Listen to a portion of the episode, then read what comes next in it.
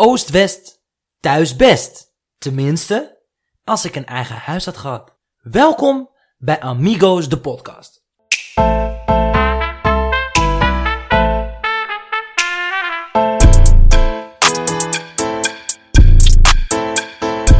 Ja, lieve jongens en meisjes. Amigos en amiguitas. Bij weer een nieuwe aflevering van Amigos, de podcast. De podcast waar drie amigos met verschillende multiculturele achtergronden wekelijks bij elkaar komen om alle levensvragen en uitdagingen van de hedendaagse millennial te bespreken. Taboes en oppervlakkigheid kennen we niet, maar met een dosis humor zoeken we met jou de diepgang op. Aflevering nummer 6. Daar zijn we weer. En het leuke is, Mo die draaide zijn gezicht weg tijdens mijn intro, want hij dacht dat ik het weer ging verpesten. Nee bro, bro, ik moest lachen man. Ik denk, ik ga je gewoon laten finishen man. Maar eh, ja, daar zitten we weer boys. Daar zitten we. Aflevering 6. Ja, we zijn er weer. We zitten weer bij Shakker thuis. Nog steeds in onze eigen gemaakte studio.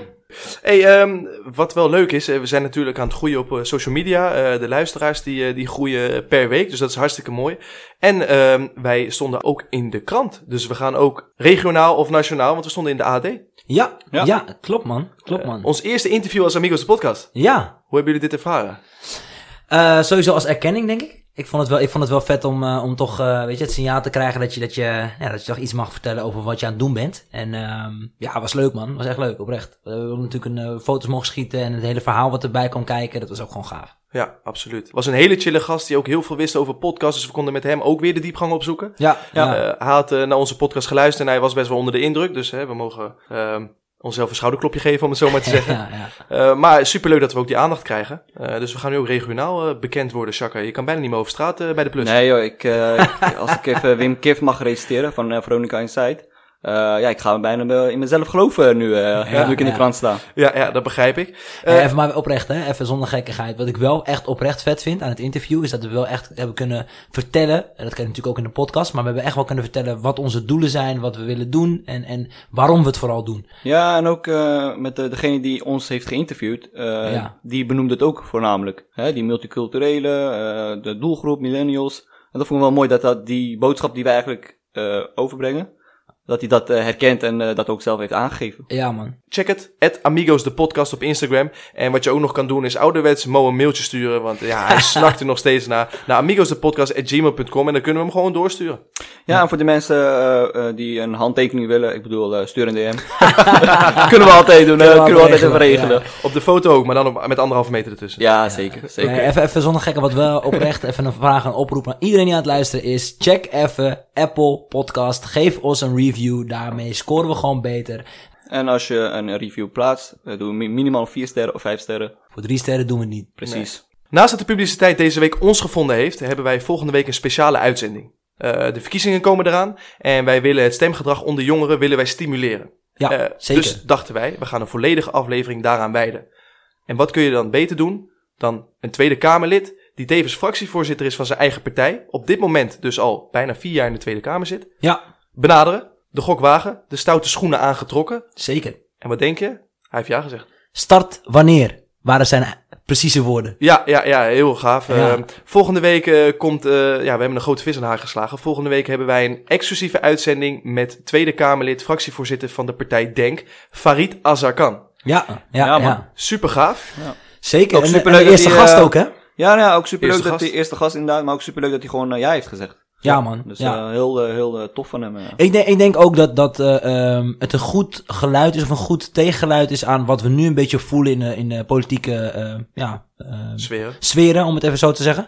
Ehm, dat er eigenlijk zo weinig aandacht besteed wordt aan jongeren. En dat hij dan toch open staat om met ons in ieder geval in gesprek te gaan, vind ik echt wel eh, vind ik klasse, man. Ja, en daarnaast gaan wij niet eh, een hele uitzending wijden aan van wat is jouw politieke programma. Hè? We gaan ook stellingen doen van waarom wij ons als jongeren niet gehoord voelen. Ja, En daarom zijn we best wel benieuwd, wat is zijn mening erover en wat gaat hij daaraan veranderen voor ons Ja. in de toekomst als we op hem zouden stemmen. Ehm, dus superleuk, super interessant, heel leerzaam en we willen ook de, de man achter de Tweede Kamer leren kennen. Dus Ja. eh, wie Farid eh, in zijn privéleven is. volgens mij heb jij al een hele leuke feitjes, of een aantal leuke feitjes al opgezocht. Maar Ik die heb mijn huiswerk dan, goed gedaan. Ja, ja, Ja, ja, ja, ja. Dus, dat Dus- was wel leuk, man. Superleuk, check ons, hou onze socials in de gaten, eh, want volgende week gaan wij dus live met de Tweede Kamerlid. En dat al in onze zevende aflevering pas. Dus Ja. ehm, best wel een mooie stap, denk ik. Zeker weten. Ja, ik zeg je toch, we gaan echt in onszelf geloven, jongens. echt, echt niet normaal. Ja. Goed, ik denk dat het tijd is eh, om af te trappen. Hoe was jullie week? Ehm, ja, ik heb echt een goede week gehad, man. Ik zeg je eerlijk, eh, sowieso natuurlijk al wat leuke nieuwtjes eh, en, eh, en, en dingen die gebeurden met Amigos de podcast. Dus dat was sowieso wel een lekkere boost. Maar het werk is ook super druk. En ik ben deze week ehm, eh, officieel begonnen met een growth mindset planner. Dus dat Zo. is echt het journalen wat ik 's ochtends en s s'avonds doe. Dus bij het wakker worden en bij het slapen gaan. En ik moet zeggen dat het me eigenlijk heel goed bevalt, man. Maar wat bevalt je dan goed? Wat heb je er dan precies aan? Nou, kijk, wat het is, ik, ik heb gewoon een soort van vragenlijst die ik eigenlijk elke ochtend en elke avond beantwoord. Maar daardoor laat ik, ehm, ja, de planner laat me eigenlijk heel erg stilstaan bij mijn dag. Dus wat wil ik vandaag bereiken? Waar ben ik vandaag dankbaar voor? Eh, wanneer is mijn dag top? Dat zijn vragen die er letterlijk uitkomen, die vul je dan in. En dan maak je ook van, oké, een aantal to-do-listen. Je hebt een soort van blokschema van, oké, zo, eh, zo laat wil ik dit doen, zo laat wil ik dat doen. Dus geeft je een beetje gewoon een, een, eh, soort van eh, controle over je dag. En heb je daar niet die stress als je iets niet gehaald hebt aan het einde van een dag dat je denkt van, oh shit. Nee, want de laatste vraag is eigenlijk, eh, eh, wordt ook gesteld van, eh, wat zou je tegen jezelf zeggen als je je mentor was? Elke dag. Elke dag. Wow. Dus dat is wel, eh, snap je, dan ga je wel even nadenken van, oké, hey, wat, wat zou, oké, goed gedaan of niet goed gedaan, weet je, je bent gewoon heel straight naar jezelf toe. Nou, ik heb ook toevallig eh, een jaar geleden, of twee jaar geleden, heb ik ook zo'n eh, heb ik ook zo'n planner aangeschaft. Eh, nou, voor mij was het wel op een gegeven moment was het wel ja, best wel veel werk om dat steeds bij te houden. Eh, dus ik heb er eigenlijk gewoon een hele simpele manier eh, van gemaakt. Wat is het? Ja, vier eh, kladblokken genomen. En daar gewoon heel simpel eh, al ja, mijn gedachten erop schrijven, man. Als ik een dag geen zin heb eh, om te journalen, dan doe ik het ook niet. Dus ik Nee, probeer precies. niet daar eh, mezelf eh, druk op te leggen. En dat had ik met het vorige wel. Dus Want het is daar geen stond- moedje meer. Ja, en dat helpt wel om gewoon tot rust te komen. Mooie stap, Mo. Ja, thanks. Ja, man. Ja, mijn, eh, mijn week was eh, ook best wel chill. Eh, ik stond te juichen toen de, de maatregelen versoepeld werden. Dat was echt Oeh. super fijn. Ja. Eh, we mogen, ik mag weer voetballen tot 27 jaar. Dus er zijn ook Ja. gewoon acht jongens in mijn team die niet mee mogen trainen. Dus dat is wel Bizar, top voor hun. is ook raar. Ehm, maar het mag weer gevoetbald worden en dat is eh, super, super fijn. Het apart vind ik nog wel dat de avondklok er is. Maar goed, hè, ze moeten concessies doen. Eh, maar Ja. de versoepeling is, is, is heel chill. En daarnaast een goede week gehad, veel energie gehad. Veel leuke dingen gedaan met Amigos de podcast. Eh, we hebben gefilosofeerd eh, over het onderwerp eh, wat we met Farid gaan bespreken. We hebben het interview gehouden. Dus ja, Shoot, superleuk. Zelfs een fotoshoot hebben we Ja, gedaan. ja. Eh, Midden op een rotonde in een kruispunt in Amersfoort. ja. Eh, mensen waren aan het toeteren. Maar wel heel leuk. Dus alleen maar leuke dingen, positieve dingen. Eh, vanochtend getraind. Ging supergoed. Dus ik begin ook weer richting mijn oude conditie te werken. Dus eh, ja man, mooie dingen. Mooie week. Lekker Ja, man, Goed lekker. om te horen, man. Ja, mijn week is ook eigenlijk prima gegaan. eh, vergeleken met vorige week, wat, ik, eh, ja, wat minder was. Maar deze week eigenlijk prima, man. Eh, met werk ging gewoon alles lekker. Eh, voor de rest eh, goed gesport. Eh, ja, dat is lekker stabiel nu op dit moment. En voor de rest heb ik ook inderdaad, hè, wat jullie net benoemden, met Amigos de podcast. leuke dingen die op ons af zijn gekomen. Ja. En daarnaast Ja, heb ik, ja, eigenlijk met, volgens mij weten jullie dat al natuurlijk, met Distinguished, de kledinglijn dat ik mee bezig ben. Daar Ja. zijn we ook eindelijk ja, stappen aan het maken. We hebben eh, Ga gisteren je een nou hele- promotie doen voor jouw kledingmerk in onze podcast? Nou, ik dacht, ik probeer het. En eh, volgens mij is het ook gelukt aardig. Ja, ik kan het er altijd nog uithalen. dus eh, binnenkort komen er echte trainingspakken aan. Volgens mij, eh Distinguished, jullie zijn er druk bezig, nou weet ik er natuurlijk alles van. Maar is het niet leuk als het tegen die tijd dat die samples, eh, of de, in ieder geval de trainingspakken, eh, daadwerkelijk uitkomen, om dan even wat eh, te vertellen ook aan de luisteraars. Ik denk dat ze het wel tof vinden. Ja, zeker. Op dat moment kan ik dan ook wat meer eh, informatie geven erover. Dus eh, laten we dat zeker eh, doen eh, voor, eh, voor de volgende keer. hey, mooi. Hey, ik denk dat we dan naar het onderwerp gaan. En Mo, wat is het onderwerp van deze week? Het onderwerp van eh, deze week is eh, Ik wil uit huis, maar hoe dan? Oké, en hoe zijn we daarbij gekomen? Ja, het speelt wel eh, een rol bij eh, veel jongeren. Ja man, Eh, ik denk ook wel een, een soort van moeilijk is voor jongeren om eh, uit huis te gaan. Steeds een moeilijker woord. Moeilijker Ja. wordt ook nog. En wat je ook ziet in de trend is dat eh, jongeren op, een langere, op een oudere leeftijd uit huis gaan. ja. Hè, vroeger was uh, op 18e me- meestal uit huis. Maar nu zie je toch wel, ook als ik om me heen kijk, veel vrienden van ons die zijn nog eh, ja, thuis aan het wonen. Ja, want ehm, het gemiddelde op dit moment dat jongeren uit huis gaan ligt al op 24 jaar. En Ja. eh, bij wijze van vier jaar geleden was het bijvoorbeeld nog 22 jaar. Dus in vier jaar Ja. tijd is het gemiddelde met twee jaar verhoogd. En dat is echt een hele grote toename. Maar Ja, ja. grote toename. Ja, is dat erg? Eh, dat is de vraag. Eh, wat, wat ik in ieder geval hoor, jij zegt ik hoor het om mij heen van ik zou wel graag uit huis willen wat. Dat je het een beetje zogenaamd wordt. Maar ik denk dat het een heel groot probleem is. Ja, maar jij, ik hoor jij zit er natuurlijk ook zelf ik zit er middenin. middenin, ja, maar ik jij wil hoor zelf van- ook graag. Ik, ik hoor van de mensen om mij heen dat ze heel graag uit huis willen of een huis willen huren of een huis willen kopen. En vooral de starters, dus de jongeren, de jongvolwassenen, eh, die net zijn begonnen op de arbeidsmarkt, die hebben daar echt heel veel moeite mee als ze nog thuis wonen. Dus Ja. ja, het speelt enorm en het is heel actueel binnen onze doelgroep hè, waar we het over hebben. Dus daarom denk ik het ons goed om daar een volledige aflevering aan te wijden. Ja, Laten we dan, voordat we beginnen, eventjes een, een, een status quo maken. Ik ben heel erg benieuwd, wat zijn onze eigen huidige statussen en waarom, of hoe komt het dat je in die situatie zit? Eh, dus Shakar, eh, woon jij nog thuis? Woon jij op jezelf? En wat zijn de beweegredenen daarvoor? En wat is misschien je verleden daarachter? Ja, ik woon op dit moment eh, op mezelf. Eh, een huisje in Amersfoort. Tevens de studio van Amigos de podcast. Ja, Ja, ik denk dat ik echt even tikjes moet sturen of zo naar jullie jongens. dus eh dat kun je binnenkort verwachten. Ja. Ehm, Ik betaal ze niet. Nee, dat weet ik eh, van jou. nee, ik eh, ben op mijn, even kijken, twee jaar geleden ben ik uit huis gegaan. Eh, een huisje in Amsterdam, eh, voor mijn werk verhuisd. Maar wacht even, volgens mij, want je vertelde dus twee jaar geleden ben je naar Amsterdam toe verhuisd, maar je bent daarna natuurlijk weer verhuisd naar Amersfoort nu. Ja, ik woon, op dit moment woon ik eh, in Amersfoort, eh, eigen plekje. Ik, eh, op dit moment eh, huur ik een huis. Eh, en eh, ik kan straks wel vertellen waarom ik eh, een huis huur en niet koop. Oké, Eh, ik ben heel benieuwd, je hoeft geen antwoord te geven. Wat betaal jij op dit moment bruto per maand aan jouw huurlasten? Dus alleen je kale huur. Kale huur, Ja. Eh, dat is op dit moment eh 900 euro. Behoorlijk bedrag. Behoorlijk. Ja, dus elke maand als ik over moet maken, doet ook behoorlijk veel pijn. Ja, Is niet automatisch afschrijven? Nee man, dus dat is wel echt, eh, dus je moet echt zelf gaan doen. Dus elke maand kijk ik van, oh ja, 900 euro. Weg. Ik zou, meteen, ik zou meteen die standaard dingen erin zetten, man. Ik zou, als ik elke keer zelf die stap moet nemen om elke maand, ik weet nog van mijn tijd toch, of dat Ja. zo wel, maar dat je elke maand zelf zeg maar gewoon moet overmaken, dan moet je, heb je elke keer die drempel waar je over Ja, moet. ja, Ja, ja, toch? snap ik. Maar ik heb expres niet gedaan, want dan kan ik bij de opmerkingen vermelden om welke eh, maand het gaat. En dat is voor mij gewoon voor mijn administratie gewoon eh, fijn. En Hoeveel vierkante meter en hoeveel kamers? Eh is twee kamer appartement. Ja. Eh, vierkante meter is volgens mij iets op 50 eh, vierkante meter. Dus Oké. niet eh, behoorlijk groot. Nee. Maar het is wel in het centrum, dus vandaar ook de prijs. en het is een nieuwbouwwoning, hè. Dit is vorig jaar in april gebouwd. Nou, chill, je hebt goed voor elkaar. Ehm, ja, nou ja, bij mij kort maar krachtig. ik woon nog steeds thuis bij mijn moeder en bij mijn zusje. Ehm, wel zoekende, eh, al een tijdje. Eh, en ik wou inderdaad ook die financiële stabiliteit voordat ik op mezelf ging. Ehm, dus wel zoekende, ook meerdere kansen gehad om uit huis te gaan, maar niet gedaan. Eh, ik heb wel twee zomers op Mallorca op mezelf gewoond. Hey! Telt het ook mee? nee, die tellen niet mee, bro. Oké. Nee, man. Nou ja, dat dus. Ja, ja, ja, en dan ben ik als enige over volgens mij. Hè? Nee, Ja. ik, ehm, ik woon weer thuis. Ik heb natuurlijk ook in de vorige afleveringen ergens, heb ik het een keer verteld. Eh, maar inderdaad, drie jaar op mezelf gewoond in Amersfoort en sinds februari weer thuis wonend. Voor mij eh, was financiële stabiliteit niet een factor. Dus ja, ik wilde gewoon heel graag uit huis. Dus Ja, toen, eh, toen heb ik het ook gedaan. Eh, uiteindelijk ook zeker met de nodige uitdagingen.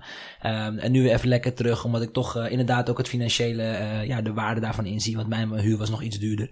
Eh, die was 1000 euro per maand uiteindelijk. Ehm, Wauw. Dus dat is flink. Ja, zeker ja. als je nog student bent. Ja. Nou, stu- ja, werk ik al natuurlijk een langere tijd fulltime. Maar ehm, toen ik nog studeerde was het echt wel pittig, man. Ik zeg eerlijk. Ja, dat kan ik goed begrijpen. Ja, man. Dus, dus dat, man. Weer thuis. En je bent ook volgens mij een van de eerste eh, van onze drieën geweest die een eigen huis had. Hè? Ja, Zeker. man. Ik, Ja. wa- ik was volgens mij de eerste. Ja, je, ja, je was Ja, zeker ik de was eerste. ja. Ja, ja. Ja. Ja, dus ongeduldig. Eh, achteraf gezien eh, eh, weet ik niet wat de juiste keuze was. Eh ben er wel heel veel eh, eh, ja, ervaring rijker van geworden. En ik ook verstandiger van geworden. We gaan het straks nog over de rest hebben volgens mij. Dus, Ik heb straks een leuke anekdote, dus eh, ja? Ja. goed. Laten we doorgaan eh, naar de allereerste stelling van deze aflevering. Ik voel een sociale druk om op een bepaalde leeftijd uit huis te gaan. Nou, ik kan daar misschien wel eh, iets eh, leuks over vertellen. Niet echt een sociale druk, maar op een gegeven moment merkte ik bij mijn ouders dat ze wel tips gaven van, hey, Ze waren helemaal klaar met jou. Dat is gewoon een andere soort druk. Dat is een heel ander soort druk. Ja, gewoon echt van die opmerking van, eh, heb je, ben je al een beetje gaan kijken naar huizen? Of Ja, eh, ja, ja, heb je ja. nog niet ingeschreven voor een eh, huis? eh, Ze pushten je gewoon weg. woning net. Dus op een gegeven moment ging ik gewoon echt van, oké, weet je, van waar komen deze vragen nu opeens? Eh, het was gewoon meer ook als grap bedoeld altijd. Maar het is wel zo van, eh, nou, je, je, bent- je hebt het nu goed voor elkaar. eh, Ja. eh, dat, dat best wel ja, normaal is op een gegeven moment. Hoor, als je afgestudeerd bent en gewoon een werk hebt. En ja. ja, financieel misschien gezond bent. Dus eh, ja, man. En was dat dan druk die dus jezelf oplegde, onbewust toch? Of de- van de maatschappij? Of is het... Nee, man, ik zeg eerlijk, ik heb daar nooit echt eh, nooit druk gevoeld.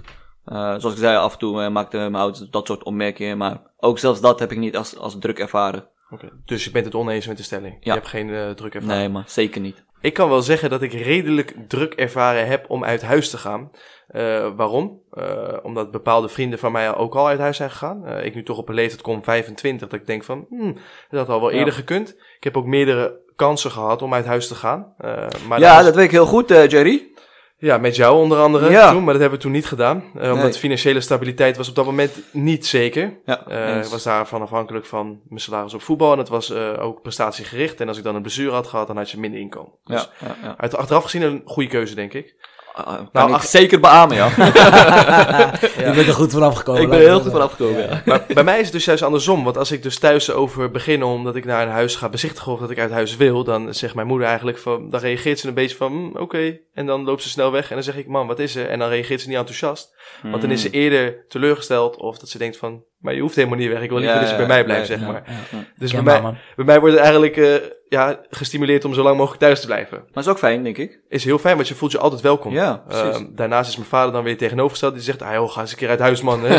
Begin dan een vrouw, kinderen, ik wil opa worden. Je weet toch? Ja, dat ja, doet in die kant ja, op. ja, ja. Ehm, maar ja, ik voel wel een beetje sociale druk en die leg ik ook mezelf op. Denk ik ook omdat het beeld van de maatschappij is dat van, nou, 25ste woon je nog steeds thuis. Soms krijg je die vragen wel eens. En dan denk ik van, ja, eh, je hebt misschien wel ergens gelijk. Dus ik wil, ja, ik wil wel eigenlijk zo snel mogelijk uit huis, ja. Oké. Ja, ik... ehm, ehm, wat, was de, wat was de stelling nog een keer?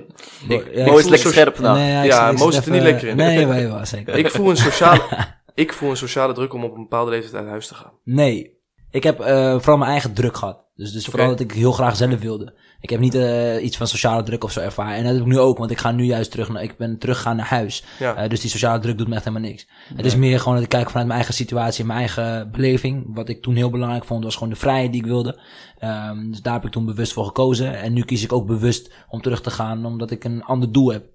Mooie keus. Ja. Ja, nee, ik heb wel eens bijvoorbeeld, hey, je praat zo nu en dan met bepaalde mensen en dan, eh, je- Maar had jij dan ook, eh, als ik je een vraag mag stellen, Jerry, had Ja. jij dan ook toen ik op een gegeven moment, want ik was de eerste van, van, eh, van het stel, zeg maar, toen ik op mezelf ging wonen. Ja. Heeft dat dan bijvoorbeeld ook, omdat je dat bij mij zag, dat dan een soort van effect had op jou? Dat je dacht van, oeh, misschien wil ik het ook of wel. je- Ja, man. Ja, jij was niet de enige natuurlijk. Eh, Ja. Meerdere vrienden om me heen die woonden al best wel eh, jonger op zichzelf. En dan Mhm. als je daar thuis was, of je was daar aan het chillen op zaterdagavond. eh, weet toch, je kon altijd gewoon, je hebt altijd een plek om ergens te zijn met je Ja. vrienden. Ja. En dan dacht ik wel van, ja, dit wil ik ook wel heel graag. Die vrijheid Ja. lijkt me ook wel heel lekker. Ja.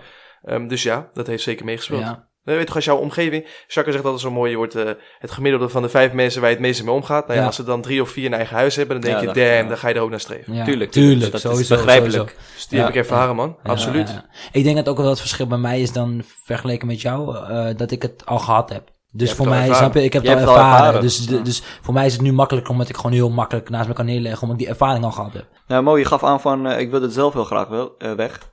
Wat was voor jou zeg maar, de beweegreden om dat te doen? Nou, ik, ik was, eh, ik denk dat ik gewoon heel koppig was, laat ik het zo zeggen. Ehm, ik ben sowieso, ik heb een hele sterke eigen wil. Ehm, daar heb ik zeker ook mee leren omgaan, maar ik had dat toen al heel erg. En ik had wel het gevoel dat ik het thuis niet meer kon op een bepaalde manier kon uiten. Dus ik dacht, ja, weet je, laat ik dan gewoon mijn eigen plekje vinden. Ja, en jij komt natuurlijk ook best wel uit een groot gezin. Dus wanneer jij ouder wordt, dan lijkt het me dat ook best wel lastig. Het is steeds drukker in huis.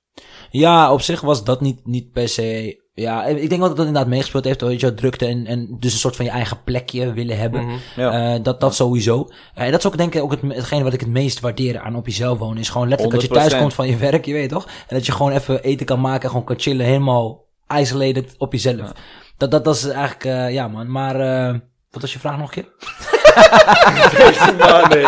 Oh, Je hebt hem al, je hebt hem al beantwoord. Ja, nee, weet ik, weet ik. Was schattig, was schattig. was weer genoeg. hey, maar, eh, eh, want Jacques, jij, hebt dus voor je tweede, jij woont nu voor de tweede keer op jezelf. Eh, Mo heeft ook al een keer op zichzelf gewoond. Ja. Waren dat sociale huurwoningen of waren dat echt op de vrije markt bij een makelaar? Voor mij was eh particulier, bro. Oké, niet Ja. voor jou? Ja, voor mij ook particulier, man. Is het misschien, dat is natuurlijk ook een eh, grote reden waarom jullie huurprijzen best wel hoog waren. Ja. Eh, op welke leeftijd hebben jullie je ingeschreven voor sociale huurwoningen? Ja, ik heb daar wel leuke dingen. gaat helemaal stuk. Want ik had, eh, ik dacht ik ga me inschrijven.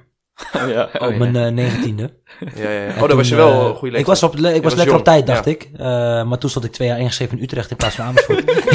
ja, bro. Ja, Hij heeft mij verteld, ik ben helemaal, Ja, eh, ik ben helemaal stuk. Ja, en ik kwam daar twee jaar later achter. Dus al die twee jaar was zeg maar weg. gone. en Oh, toen moest ik, zonde. ja, Ja, maar toen moest ik weer opnieuw. Dan want had ik, nu, had ik nu waarschijnlijk recht op een sociale huurwoning gehad, weet je. wel. Ja, dan was je nu al zeven jaar nu- verder. Ja, en nu zit ik nog op 4,5, zeg maar. Dus dat is wel, eh, Dat is wel kapot dom. ja man, ja. En jij? Ja, bij mij is het eigenlijk nooit... ik heb het nooit meegekregen, man. Ik wist echt niet hoe dat ding werkte op mijn achttiende. Dus hè, ik was gewoon met andere dingen bezig. En mijn ouders, ja, die hebben dat ook nog nooit gedaan. Eh, mensen om me heen, sprak ik niet daar veel over. Dus ik heb eigenlijk nooit meegekregen dat ik eh, moest gaan inschrijven en zo. Ik zeg je eerlijk, wat dat betreft vind ik gewoon een plicht als ouder, dat je zodra je kind 18 is, dat je gewoon inschrijft. Ja, als je daarvan op de hoogte bent, Nee, maar gewoon als ouder. Gewoon dat je als ouder dat Ja, zeg maar als moet mijn ouders niet weten, Ja, ja, dat, dan begrijp ik. Ik je? doe even los van jouw situatie. Maar ik vind dat wel zeg maar gewoon een ding wat inderdaad, zoals jij nu later pas erachter moet komen. Maar Ja. het zijn wel verloren jaren. En daardoor heb jij nu echt wel een, pro- tenminste, eh, ben jij financieel, Achterstand. ja, heb je een achterstand. Snap je? Je moet meer huur betalen, want anders kun je geen woning vinden. Dus die keuze wordt steeds lastiger. Ja, ja, ja. Nee, daar ben ik wel met je eens. Eh, aan de andere kant, Het is een donnie per jaar, hè? Of twee donnies. Weet je, het gaat nergens het over. gaat nergens over. Daarom. Ja, ja. Ja, ik, ik, ik weet nog wel dat mijn vader toen ik 18 was, hij zei meteen, oh, je ga je inschrijven. Ja. Oh, ik was toen 18. Ik eh, zag dat het inschrijfgeld was volgens mij eenmalig 35 euro. Ik dacht, ben je gek? 35 euro, voor wat ga ik me inschrijven? Dus zei mijn vader, ja, komt goed. Ja, later zegt hij, eh, en heb je al ingeschreven? Ik zeg, ja, komt goed, pa, komt goed. Eindens dan 2017, ik was 22, heb ik me pas ingeschreven. Nee, Oh, joh. ja. Zo laat? was? Echt, mijn vader, elke keer als ik erover begin, zegt hij, ja, je moet niet zeiken dat je geen huis kan krijgen. Want je had je gewoon moet inschrijven. Ik zei ja, het toch? man, je had echt naar Ja, moeten luisteren, ja, man. Ja, dus eh, ik zit nu pas, eh, nou ja, op eh, bijna vier jaar zit ik nu. Ehm, dus ik sta nog steeds, als ik op een huis reageer, op de 380ste plek. Ehm, I feel you, bro. I feel you. het doet echt heel veel pijn. eh, terwijl ik ken ook mensen in mijn omgeving en die zijn bijvoorbeeld, eh, onlangs heeft die- diegene nog een huis gekregen. Die, eh, die, die was al sinds, nou, eh, en die stond nu, wat was het, eh, tien jaar of zo ingeschreven of negen Ja, jaar. En die kwam de- meteen op nummer 1 te staan. Ja, maar dat is nu wel ja. de ding, hè, zo de termijn, bro. Vroeger was het nog een beetje die zeven. Maar nu, ik ken mensen die echt gewoon tien jaar zijn ingeschreven en die nu pas Precies. aan een huis Klopt, bro, ja. klopt. Maar het is, ook, het, is ook, het is ook bizar hoor. Tenminste, we hebben het dan nu over, over Amersfoort in ons geval, hè, want daar checken wij dan. Maar ik denk in elke steden, eh, of in, tenminste in de grote steden, Amsterdam, Utrecht, Amersfoort, Randstad, om het even zo Ja. te zeggen, is er gewoon een bizar woningstekort. Dus als je op sociale huurwoning zeg maar een woning wil krijgen, dan kan dat gewoon bijna niet, bro. Waarom is dit eigenlijk, eh, waarom wordt dit ook bijvoorbeeld niet eh, verteld al op de schoolperiode? Want wat je zegt, er zijn misschien wel ouders met migratieachtergronden Ja. die helemaal er niks van weten. Ja. Waarom werd het daarin ook niet meegenomen? Je eerste stappen in het volwassen worden, dat je dat op jonge leeftijd tot te horen krijgt. Bro, bij, gewoon bij een HAVO-examen. Ja, snap je? We Nou, gewoon, bijvoorbeeld. of bij, bijvoorbeeld, hè, of, of bij het begin van je school, eh, weet je, als je net begint met een nieuwe opleiding op de Maar weet je wat ze eigenlijk moeten doen? Je hebt toch voor, mig- hoe dat, eh, voor niet-westerselingen heb je een eh inburgeringsexamen zo, cursus of zo. Bro, dat moet je eigenlijk doen voor 18-jarigen, man. Dat je gewoon eh je leren... Levensexamen. Zeg Ja, maar, een nee, soort gewoon, van, ja, eh, maar gewoon zorgverzekering, juist, zorgtoeslag, dat soort dingen. Echt zo, eh, financiën. huis, Ja, man. eh, financiën, dat Ja, ze daarmee helpen, werkt, man, ja, hoe het man. werkt. Dat je gewoon een soort van... van eh, ook verplicht eigenlijk gewoon. Ja, een soort, soort, soort, soort van, eh, soort van traject. Wat je, wat je Ja. zeg maar, een soort van nieuwe levensfase. Op je 18 heb je een soort van cursus of zo, weet ik het Bro, weet je hoeveel veranderingen daarin meekomen? Bro, Je- 100%. Je, kan niet alles, en je weet ook niet alles, hè? Nee. En je bent ook nog niet eens geneigd om het uit te zoeken. Dus je valt vaak daarna pas op je pek. Ja, Precies echt zo. dat. Ja, echt zo. Ja, heel herkenbaar. Heel Ja, man. herkenbaar. Ik ga Mark Rutte vanavond bellen, jongens. Oh. Stuur, DM een DM stuur hem. DM. Oh ja. Hij heeft wel gereageerd. Voor, oh nee, nee, nee. Nee. Nee, jammer. net zeggen. Oké, hey, en nog één tip. eh, schrijf je nooit uit voor je sociale huurwoning. Nee, man. Dus altijd ingeschreven Ja, altijd. blijven. Ook al heb je een huis gekocht of heb je een huis gehuurd of ben je aan het chillen. Blijf altijd ingeschreven, want je weet nooit wat er gebeurt in jouw situatie. Je kan werkloos raken, je kan scheiden. Blijf altijd ingeschreven, want dan tellen je jaren vanaf dat je bent ingeschreven altijd mee. Ja, Dat is een 100%. tip. Ik, eh, eh, ik, zit, ik zit daar de laatste tijd ook wat vaker over nadenken. Ik, eh, ik sta nog steeds niet ingeschreven, jongens. Zijn jij nog steeds niet gezegd? Ik sta nog steeds nergens ingeschreven. Oké. en ben je volgens mij er- had ik daar een keertje met Mo over. Hij zei van, joh, je moet het gewoon doen. Je weet maar nooit wat er in de toekomst kan gebeuren. Precies. Ja, Ja, man. Dus, eh, dat is een vangnet. Hey bro, jij Ja, bent man. ambtenaar bro. Die twee donnies per jaar kun jij makkelijk missen. nee, dat is waar, dat is waar. Dat is Ah, hij zou ook onze moeten betalen. Die twee doen is van ons. Vind ik wel, maar dat is dan onze huur. Hey, precies, zo. hè. Trek, we het recht. Ja, ja, ja. Compensatie.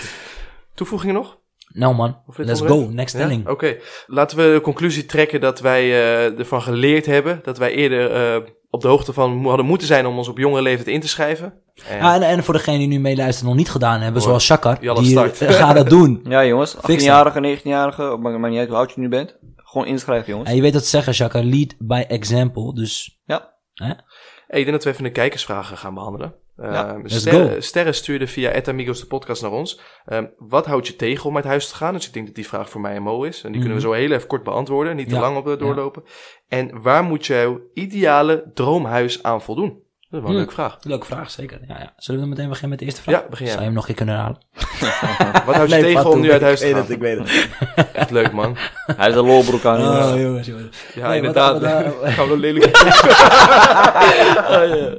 Goeie, goeie, goeie. lelijke Goeie aanvulling, eh, Jerry. Wat houdt me tegen om uit huis te gaan? Eh daar houdt me eigenlijk niks tegen om uit huis te gaan. Ik kies er dus bewust voor. Kies ja, er bewust ik voor, kies er maar bewust wat voor. houd je dus voor, wat houdt je tegen om het niet te doen? Want in principe, je hebt Ja, zo bedoel je. gewoon- Ja, oké. eh, ja, dat financieel. Financieel, Financieel. ja. Ja, maar je hebt er wel alsnog gedaan, hè? Wat? Nou, gewoon zonder naar financiën te kijken ben je gewoon uit huis gegaan. Ja, daarom. Dus dat heeft me nooit tegengehouden. Nee, precies. In, in dat opzicht, inderdaad. Dus, dus eh, eh, finan- Mij wel bijvoorbeeld. Ja, nee, ik heb, ben toen gewoon de sprong gaan wagen. Maar ik heb wel geleerd nu dat dat misschien niet een hele verstandige keuze was. Dus En dat is zo meteen een stelling waar we dan diep Ja, op ingaan. Maar wat houdt jou nu op dit moment tegen om niet op jezelf te wonen? Eh, niks man, ik heb gewoon een doel waar ik voor wil sparen. Daar komt het eigenlijk een beetje op neer. dus de financiën, zeg maar. Ja, dat is eigenlijk het ding. Ja. Wat houdt mij tegen is precies hetzelfde over financiën. Ik wil Ja. dus ook eerst financiële stabiliteit. Eh, en de prijzen zijn gewoon te hoog, man. Even serieus. Ja, ook dat. Ik vind het zonde om zeg maar nu... eh, en ik zeg je gewoon heel eerlijk, solo een huis krijgen of betalen is echt big, bro. Ja. Want eh, ik, ik had gewoon 1000 euro per maand en dan heb je nog vaste lasten en dan zit je nog op school. Ik zat zo 14, 1500 euro vaste lasten per maand. Ja, dat is echt Ja, wel Dat is heel echt behoorlijk snap veel. Ja. En helemaal denk ik, ik heb de keuze gemaakt, daar komen we zo meteen ook nog op terug, maar om gewoon veel te sparen. Hè? Als je elke keer je huur betaalt, gooi je het eigenlijk letterlijk weg. Dan kan ik liever nog één of twee jaar even thuis overleven, veel sparen en daarna uit huis gaan. Ja, ja, en daar heb ik zo ook nog wel iets over te zeggen, Ja, over de financiële buffer. De ideale droomhuis, Chakar. Ideale droomhuis? eh ja, ik denk dan toch wel voor een villaatje gaat hoor. In het gooi. Nee, grapje. Nee, op diep zee in de gooi. Maar wel eh mooie, mooie In, in de gooien. In de gooi. In de gooi. ik gooi, in de gooi. Je echt goed Nederlands spreken. Ja, ik ben goed. Maar eh, wat Ik was ben de vraag? goed. Wat was de vraag? Heb je de vraag ooit In vergeten? de gooi. Bij Wat een ideale droomhuis, bro. droomhuis, ja. hoe Beschrijf hem gewoon kort. Huis, tuin, pam. Bro, ideale droomhuis. eh, mooie villa. eh Amersfoortse bergen. Amersfoortse berg. Amersfoortse bergen, broer. Amersfoortse berg. Is het berg of bergen? Ja, hoor, is het toch meervoud of enkelvoud? Mijn ideale droomhuis is een eh, mooie villaatje. Eh, waar, maakt niet uit. maar in ieder geval eh, een mooie villaatje met een mooie tuin. lekker groot. En voor de rest, ja, niet heel veel eisen, man. Mooi, nou ja, lekker makkelijk. Mijn ideale huis ziet er als volgt uit. Eh, Ik heb thuis eh, best wel altijd een klein huis gehad. Ik heb ook bijvoorbeeld nooit een zolder gehad. Dus ik zou in ieder geval later, wanneer ik een eigen huis heb, sowieso een zolder willen hebben. Dus een verdieping erbovenop. Eh, een grote tuin met een voetbalveldje daarin voor mij en voor mijn kinderen. En daarnaast eh jacuzzi zou fijn zijn. Als we toch zonder limieten moeten denken. Dat zit eigenlijk gewoon lekker ruim. Lekker veel ruimte, dat vind ik Ja, belangrijk. man.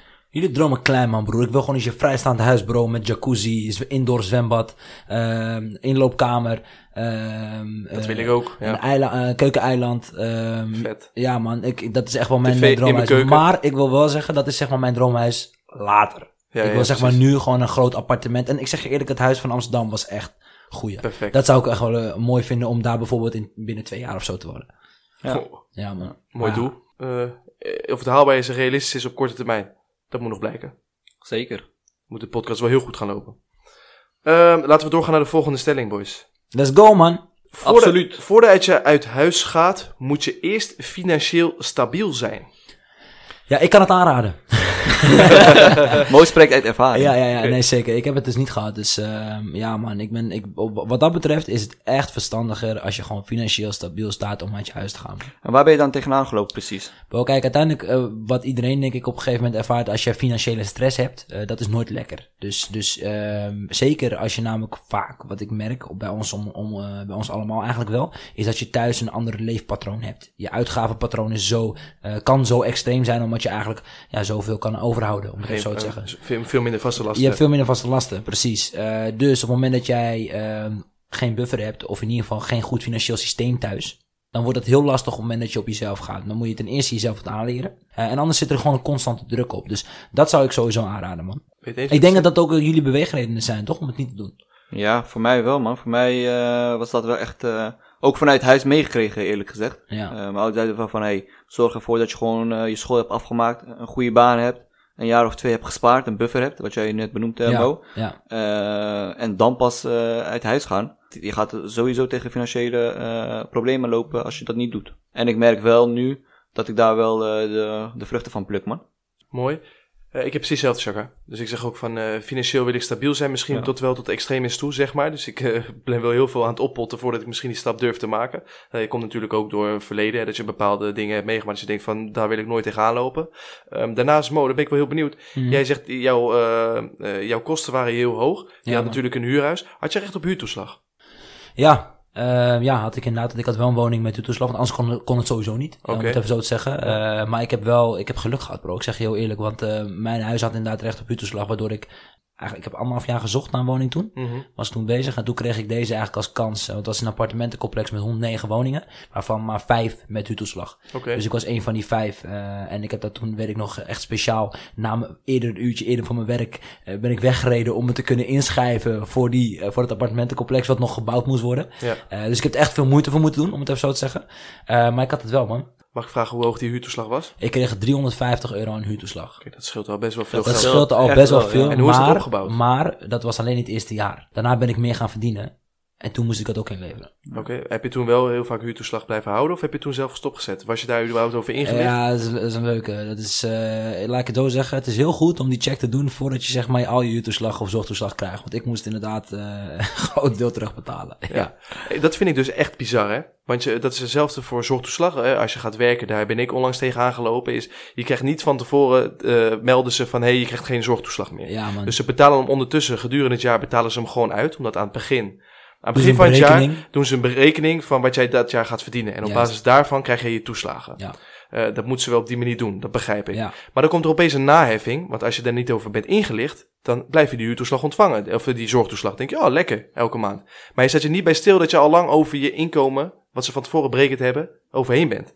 Dus daarna krijg je opeens een naheffing van, hé hey, luister, je hebt te veel zorgtoeslag gekregen, betaal even 500, 600 euro terug. En dat nou, mij dan heel... ben je, kom je nog goed weg. Maar wat, ik, wijze daar, van, ja. wat ik daarvan vind, is... eh, zij weten natuurlijk niet hoeveel jij verdient pas tot het einde van het jaar bij je aangifte. Dus dat is een beetje het lastige. Van waar, eh, want ik heb namelijk ook over nagedacht. Weet je, ik dacht ook toen... eh, ik heb ze zelfs gebeld. Ja. Zei van, waarom de fuck geven jullie niet gewoon niet aan? Want dan had ik Ja. me gewoon uitgezet, weet je wel. Ja, ja, ja. Eh, maar zij kunnen dat niet inzien. Dus Nee. het is een beetje je eigen verantwoordelijkheid om het gewoon goed in de gaten houden. Maar dat is dus ook iets waar we het toen straks over hadden. Die 18-jarige over die toets. 18-jarigen. Dat is Ja, ook iets dat je mee moet krijgen. ja, Ja, ja, ik ja, wist ja. het ook niet. Ja, ik ook niet. Van zorgtoeslag. ik ben En jij hebt zelf zorg en huurtoeslag. Ik had allebei, man. En dan Ja. heb je wel opeens een, als het helemaal uit het spaar- Dat spuigaat was gewoon een paar duizend euro. heb je gewoon een flinke schuld zeggen. opeens. Ja, man, 100%. Ja. Ja. Ja. Nou, zou het dan dan niet helpen als eh, de Belastingdienst dan gewoon weg wel om de kwartaal een berichtje stuurt van hey, ben je nu al meer gaan aan, aan het verdienen? Zo ja, wijzig dan je inkomen. Ik, ik, In snap plaats van op het eind hè, pas eh, Mm. aangeven. Ik, ik snap wat je bedoelt. Eh, dus wanneer je zeg maar de, de inkomen wat ze voor jou berekend hebben, als je die gepasseerd bent, dat ze dan een brief sturen van, hé hey, luister, je zit Nee, nu op 30.000. Nee, nee, nee, gewoon Nee. elk kwartaal een meld je gewoon notificatie en e-mail van hey, eh, is er iets in jouw financiële situatie is er gewijzigd? Dat Zo ja, kan je het even aan ons doorgeven. Of in ieder geval, hey, hou er rekening mee dat het gevolg kan hebben voor jouw eh dat van... vind ik een eh, hele goeie. Alleen aan de andere kant leggen ze het natuurlijk gewoon neer bij de verantwoordelijkheid voor iedereen zelf. Ja, maar Eh, weet je hoeveel mensen hier tegenaan lopen? Ja, Bro, en ik denk dat- ook dat veel dus, mensen met een migratieachtergrond die er helemaal 100% niet van op de zijn, die die brieven niet begrijpen en Ja. die zitten dan helemaal in de shit. 100%, ja. Ja. Kijk, ik heb daar inderdaad wel over nagedacht van wat zouden ze dan kunnen doen daaraan. Het is en blijft lastig, man. Want Ja. uiteindelijk is het ook je stukje eigen verantwoordelijkheid. Eens. Eh, je moet dat gewoon altijd zelf in de gaten houden. Aan de andere kant, wat ik nog eh, vervelender vind. Kijk, in mijn geval, ik, weet je, ik, kan, ik betaal het gewoon netjes af en dan is er niks aan de hand. Maar er zijn ook mensen die het dus niet afbetalen. En dan heb je die toon van de Belastingdienst, om het even zo te zeggen. eh, die is ook niet vrij coulant of zo. Nee. Snap je wat ik bedoel? Dus je, komt ook met, je kan echt meteen in de shit raken. Ja. Ja, En dat is voor dat mensen die het eigenlijk niet weten, weet je wel. Dat, dat is het beetje. Jij duidt op de toeslagenaffaire. Ja, op Ja. de slagaffaire. hè. Ja. Je weet, eh, ja, hier, hier hebben jullie waarschijnlijk wel de verhalen gehoord. Ja, Zeker 100% dat, eh, man, bro. Ja. aanpakken. Dus eh, nee, maar vooral let dus op je toeslagen. Als je nu recht hebt op een zorgtoeslag en je gaat opeens werken hè, na, je stu- na je studie, of eh, je hebt eh, recht op huurtoeslag en je gaat opeens veel meer verdienen. Je krijgt bijvoorbeeld opslag of je hebt een nieuwe baan. Check het en kijk of je er nog recht van hebt. Want anders krijg je gewoon een stu- op het einde een naheffing van de flinke, Ja, en een, flinke schuld. en een simpele tip, aangezien het toch je eigen verantwoordelijkheid is. Weet je wat, plan hem gewoon in je eigen agenda elke kwartaal een notificatie van... hey, ik moet op mijn dinges letten. Ja, toeslag. Ja, maar dat, is, dat zijn dus van die dingen. Kijk, we gaan er ook een andere podcast over nemen. Over eigenlijk financiële intelligentie. Ja. Ehm, dat is iets waar, waar jij bijvoorbeeld, Chakar, eh, denk ik, eh, als eerste een voorsprong op had. Wij zijn er wat later eh, ik- dan ik als laatst. denk ik. En jij daarna in ieder geval, Ja. om het zo te zeggen. Ehm, maar dat zijn wel die dingen die dus met dit soort dingen jou behoeden. En die stress echt wegnemen, Ja. weet je wel. Ja. Ehm, dus ja, interessant. maar laten we die vooral houden voor de volgende keer. Ja, nou, als we het toch nog over die toeslagen hebben, heb ik misschien wel een aanvulling. Ik, ben, ik woon natuurlijk nog thuis. En thuis wonen we, hebben wij ook een eh, huurhuis. Ja. En mijn moeder heeft eh, altijd recht gehad op eh, huurtoeslag. En op een gegeven moment eh, ben ik natuurlijk, eh, met mijn voetbal had ik natuurlijk inkomen. En ook met, eh, met, mijn, eh, met mijn nu huidige baan, na mijn afstuderen. En toen ging ik opeens verdienen. En wat blijkt dus, dat wist ik al wel, is dat mijn inkomen nu wordt opgedeeld bij mijn moeders inkomen. Ja, omdat je zelf je- de telt mee in de huishouden. Ja, ja. Precies. Ja. En ehm, nou, op dat moment eh, verviel dus voor haar de huurtoeslag. En het mooie was dat ik daarvan op de hoogte was. Dus toen ik meer ging verdienen hè, bij mijn voetbal en bij mijn, eh, bij mijn werk, ging, heb ik meteen de Belastingdienst geïnformeerd of opgevraagd van, hé, hey, wat heeft dit voor gevolgen? En wat bleek dus dat zij dus daardoor al Het was in juni. En daardoor hadden we toen al meer huurtoeslag gekregen dan waar we Ja. recht op hadden voor het hele jaar. Ja, bizar. Oftewel, Ja. terugbetalen. Terugbetalen, ja, ja. En dat was dan twee maanden, omdat ik er op tijd bij was. Ja. Maar had ik dat niet gedaan, dan hadden we zes maanden lange huurtoeslag gehad. En dan hadden we nou een flinke schuld gehad. Ja. Ja. Eh, dus om mijn moeder nu te ontzien, eh, betaal ik dat verschil nu zelf. Vind ik volkomen normaal, want ik ben nu op een leeftijd dat ik daar volledig in kan meedingen. Dus ik betaal nu eigenlijk een soort van huur aan mijn moeder. tuurlijk, en met tuurlijk. liefde, hè, en terecht. Eh, maar als ik dat dus niet had geweten, en dat is een keer besproken, ik weet het een keer van Shakar. Dus dat is best wel grappig. Hè? Ja, Heeft hij ja, weer behoed eh, ja, ja. Had hij me eerder bij jou ook moeten doen, Mo? Zeker. Ehm, maar in ieder geval, dus, dus dat soort dingen is wel goed om te bespreken. Als je met financiële kwesties zit en je hebt mensen in je vriendengroep, eh, benader ze daarvoor of vraag het aan de mensen om je heen. Als je iets niet zeker weet. Eh, zoek die steun, want dan kan je gewoon behoeden voor, eh, voor fouten. Ja. Kijk, ik zeg eerlijk, ik heb ook toen dat gebeurde bij mij, ik heb, eh, toen kwam ik thuis, zei ik tegen mijn ouders, ik ga nooit meer toeslag aanvragen. Ja, echt zo. nooit Ja, echt meer, zo. Ja, ja, ja. nooit meer. Ik zweer het je, al die berekeningen en dingen, en uiteindelijk raak je toch, weet je, wel, moet je toch iets terugbetalen. En eh, het is- altijd gezeik. Dus ik heb echt van mezelf voorgenomen, ook al heb ik het, weet je wel, niet breed, ik ga het gewoon niet aanvragen, man. Ja. Dan maar niet, liever niet. Snap ik, man. Snap ik. Ja, man. Hey, er was ook een, eh, een kijker die, eh, die iets heeft ingestuurd over de huizenmarkt maakt het onmogelijk voor starters op dit moment. Qua kopen bedoel je dan? Qua, qua kopen, hè? Ik denk het wel. ja. Ja. Nou, ook huren denk ik. Ja, ook, huren, Ook, zeker. want waar Ja. ik dus eh, tegenaan loop is als ik nu een huis wil huren, dan moet ik dus eh, vier keer het, de huurprijs eh, bruto verdienen. Ja, bizar is dat, hè? Ja, Dat is nou, echt niet normaal, man. Omgeving Amersfoort zit je al snel kale huurprijs minimaal op 900 euro, 850 à 900 Ja, euro. Dus dat zou betekenen dat je al rond de 3600 bruto moet verdienen. Ik had het dus met mijn woning, stond mijn vader garant, om het even zo te zeggen. Dat scheelt Dat zeg maar, Dat da- scheelt da- al. daardoor, kon ik, daardoor kon ik dat zeg maar doen. Ja. Maar, ehm, ik heb het intussen namelijk wilde ik ook wel verhuizen, dus ik heb ook even verder gezocht. Maar toen was het inderdaad vier keer de huur. En dan zijn er ook heel veel partijen in Amersfoort die zeggen, nee, we doen niet aan de garantstelling. Precies. Ja, Omdat ze zo'n luxe positie hebben op dit moment. Er zijn zoveel mensen die vragen, dat ze, Ze denken vinden van, toch wel iemand. Ze vinden toch wel iemand die het Ja. kan betalen, weet Ja, je wel. En dat ja, is ja, ja. echt bizar, man. Ja, en dat is, dat is natuurlijk, het maakt het ook wel echt onmogelijk. Want eh, kopen met je startsalaris kom je niet in aanmerking voor een hypotheek. Bijna. Of niet voor een Ja, hoge hypotheek. Nou ja, de huizenprijzen zijn natuurlijk abnormaal aan het stijgen. Mhm. Wat wel interessant is, ik heb het onlangs met mijn leidinggevende hierover gehad. En die gaf aan dat hij best wel dat hij een reden zag waarom de huizenprijzen zo enorm gestegen zijn. Naast dat het vraag- en aanbodverhaal. Nou, Ehm, sinds kort, sinds een aantal jaar geleden, heeft de, de regering besloten dat je in plaats van als je een hypotheek hebt, hoef je hem niet meer binnen 15 jaar terug te betalen, maar mag je er 30 jaar over doen om terug te betalen. Dat betekent Mhm. dus als jij een hypotheek wilt, op basis van jouw salaris, kan je meer lenen. kun je meer lenen, omdat je er langer over kan doen om het terug te betalen. Ja. Oké, ja. Dat betekent dus dat iedereen meer geld kan lenen en dat automatisch dus ook Mm. duurder huizen kan kopen. Ja. Ja. Dus dat betekent dat de onderste schaal normaal gesproken een huis voor 150.000 kon bekostigde. En die kan nu opeens een huis voor 200 of 250.000 Ja. kopen. Ja, dat ik is, denk- dat is denk ik de basis voor een economische kiezers, maar dat is een andere discussie. Ja. Ja, maar En ik denk ook wat eh, vroeger ook nog speelde, is dat mensen 120% van de hypotheekwaarde kregen. Dus ze kregen eigenlijk meer dan de huis waard was. Ja. Waardoor ze konden overbieden. Dus maar dat is ook- toch eigenlijk bizar dat, je, dat ze met zo'n maatregel... Waarom hebben ze die maatregel dan in godsnaam genomen? Ja, dat snap ik ook echt niet soms, jongen. Maar het blijft de overheid, hè? Het is net als met de coronamaatregelen. Sommige dingen begrijpen we gewoon letterlijk niet. Nee, maar ja, wel een enorme monopolie en een enorme macht. eh, want op die Ik denk dat het wel iets is wat, wat eh, eh, steeds meer naar voren komt hoor. Het, het onderliggende huizenprobleem. Ik denk ook nog niet alleen dat het een, een overheidsprobleem is. Ik denk ook dat het een gemeenteprobleem is. Want de gemeentes hebben namelijk ook bijvoorbeeld, eh, wat we zien in Amersfoort, is bijvoorbeeld het bouwen van een aantal sociale huurwoningen of een aantal koopwoningen die Ja. steeds meer gebouwd moeten worden. Ik denk, eh, natuurlijk de overheid speelt mee met die regeling. Maar het stukje vraag en aanbod is ook echt oprecht aanwezig. Er is gewoon Ja, veel ja, meer schaarste. vraag dan aanbod. Ja, ja, Eh, ja, ja. Daarom zie je nu ook dat ze bijvoorbeeld in eh, groene woonwijken of wat dan ook willen bebouwen. Toch? Dat, Ja. dat is, dat is Ja. eh, En wat je ook merkt is dat veel mensen vanuit het oosten naar de Randstand komen. Waardoor de 100%, Randstand nu ja, echt man. populair is en Ja. ook ja, qua vraag en aanbod eh, Ja. niet normaal is. Hey, wat vinden jullie ervan dat er onderscheid wordt gemaakt wanneer jij een huis wilt huren en je hebt twee inkomens? Dat er onderscheid wordt gemaakt dat jij met een vriend niet mag huren? Dat Ja. heel veel zeggen we willen geen woningdelers. Ja. Eh, maar dat je, als jij een partner hebt en je bent één of twee dagen samen, dan mag je opeens wel de inkomens gezamenlijk Wist je, doen. nog, wist je nog, toen eh, kwam ik volgens mij naar jou toe, Jerry, met de grap van bro, ik denk dat we hand in hand moeten naar binnen lopen.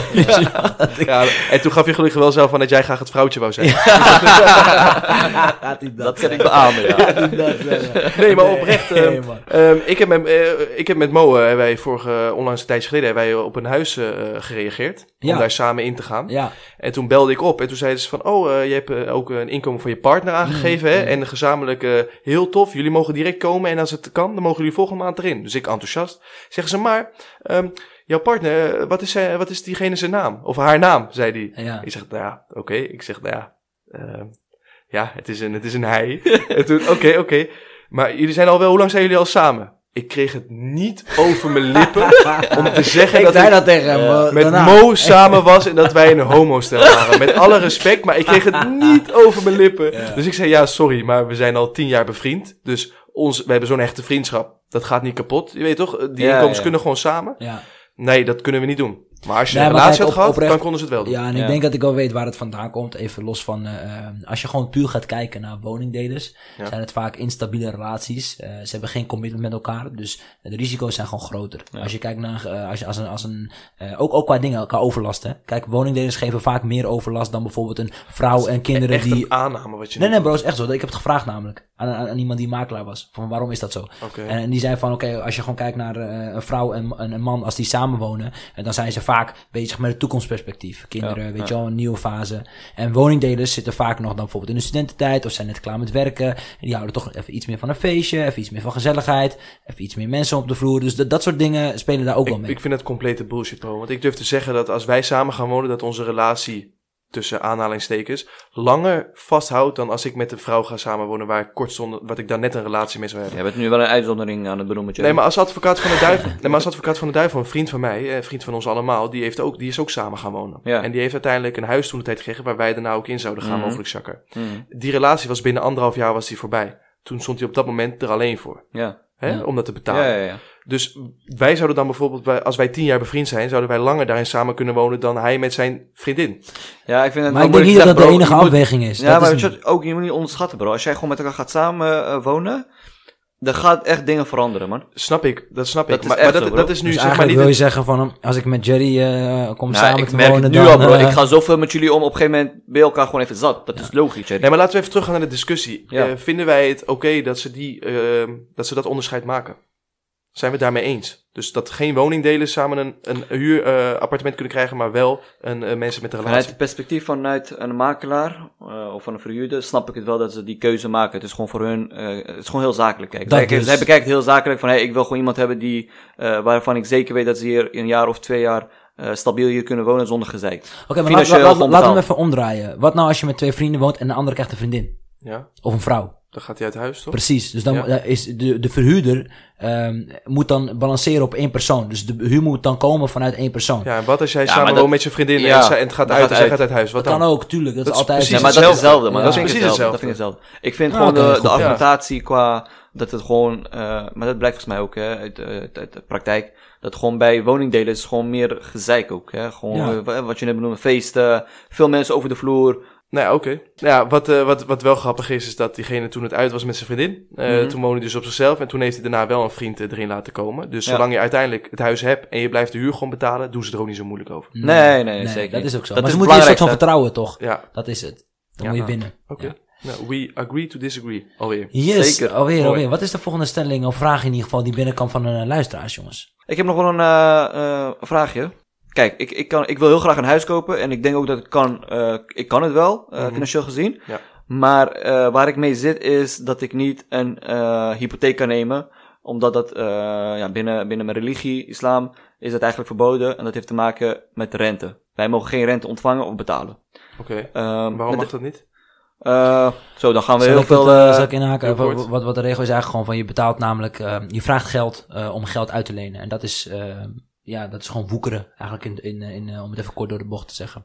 Dus dat eh, mag niet. Oké. ja. Als ik het goed uitleg, bind me niet op vast. Ja, het gaat wat veel dieper Ja, op in, maar daar kunnen we volgens mij een hele podcast Ja, over eh, ja. vertellen, dus gaan we Ja. niet doen. De vraag is, kijk, in andere landen, zoals eh, Engeland en Duitsland, Duitsland, ja. eh, daar heb je eh, eh, islamitisch financieren. Eh, en daar heb je van die halal-hypotheken. Eh, dat Halal is- hypotheek. Ja, ik vind, het, ik vind het leuk bedacht ook, De inderdaad. halal slager en de halal hypotheek. Ja, maar, ja, dat zeker de halal hypotheek. maar daar komt op neer dat je een hypotheek krijgt eh, zonder, een, eh, foto. zonder een rentestructuur erin. Dus eigenlijk is het een, een koop-leen-overeenkomst die je Ja. sluit. Eh, de partij, of de bank in dat geval, die koopt het huis. ja. En die gaat het aan jou verkopen, maar je mag het eh, maandelijks aflossen. En elke keer als je aflost, krijg je een percentage van het huis. Oké, en, In aandelen. in aandelen. en moet jij ook meer betalen dan, dat, eh, dan dat het Ja, eh, ja, want heeft de, de bank mag een soort van winstopslag erop zetten. Ja. Bijvoorbeeld van 50.000. Ja. Dus als een huis 250.000 mogen ze hem voor 300.000 aan jou verkopen. En dat is dan eigenlijk een soort van waar ze die rente mee compenseren. Op die manier Ja. is het dus halal. Ja, dat is inderdaad een vervanging van de winst. Want dat mag. Eh, Wij mogen toch maar binnen de islam mag je gewoon handelen. En eh, inkopen en dan eh duurder verkopen. Dat is gewoon handel. Dat mag. Ja. Maar je mag daar niet rente op vragen. Want dat is gewoon geld maken over geld. Oké, en, je? jij, en jij geeft dus aan dat de omringende landen, eh, de buurlanden, dat dat wel al doen in Europa. Ja. Maar eh, begrijp ik dan dat het in Nederland nog niet mag of zo? Ja, kijk, er zijn wel 1 miljoen eh, eh, moslims in, eh, in Nederland. Heel veel. Een, een hele grote groep. Ja. En eh, voor deze grote groep eh, is er eigenlijk geen halal-hypotheek. Of in ieder geval een manier eh, dat deze mensen ook gewoon een huis kunnen kopen. En waarom is dat? eh, Nou, is ik heb, ik, ik heb me daar wel best wel in verdiept. Eh, er komt op neer dat eh, het heeft te maken met de belastingregels. Mhm. Maar Dit is vanwege wel de... een vraag die we ook volgende week gaan stellen aan Farid. Hè? Dus Ja. die, eh, Zeker, die komt Ja. terug in de uitzending. Ja. Ja, dan ben Ja. ik heel benieuwd naar Ja. wat hij gaat zeggen. Maar Wat hij eraan gaat doen ook. ja, dus dat zou heel Ja. mooi zijn als hij iets aan kan doen. Ja. Eh, maar het komt erop neer dat door de belastingregels het niet mogelijk is in Nederland om die constructie eh, in de markt te zetten. Oké. Er zijn wel een aantal partijen mee bezig Mhm. om dat voor elkaar te krijgen, maar tot heden geen succes. En Ja. ik ben gewoon heel benieuwd, ja, wat, wat, wat vinden jullie daarvan, jongens? Ja, daar ben ik wel heel benieuwd naar. Mag ik dan als eh, niet-islamitische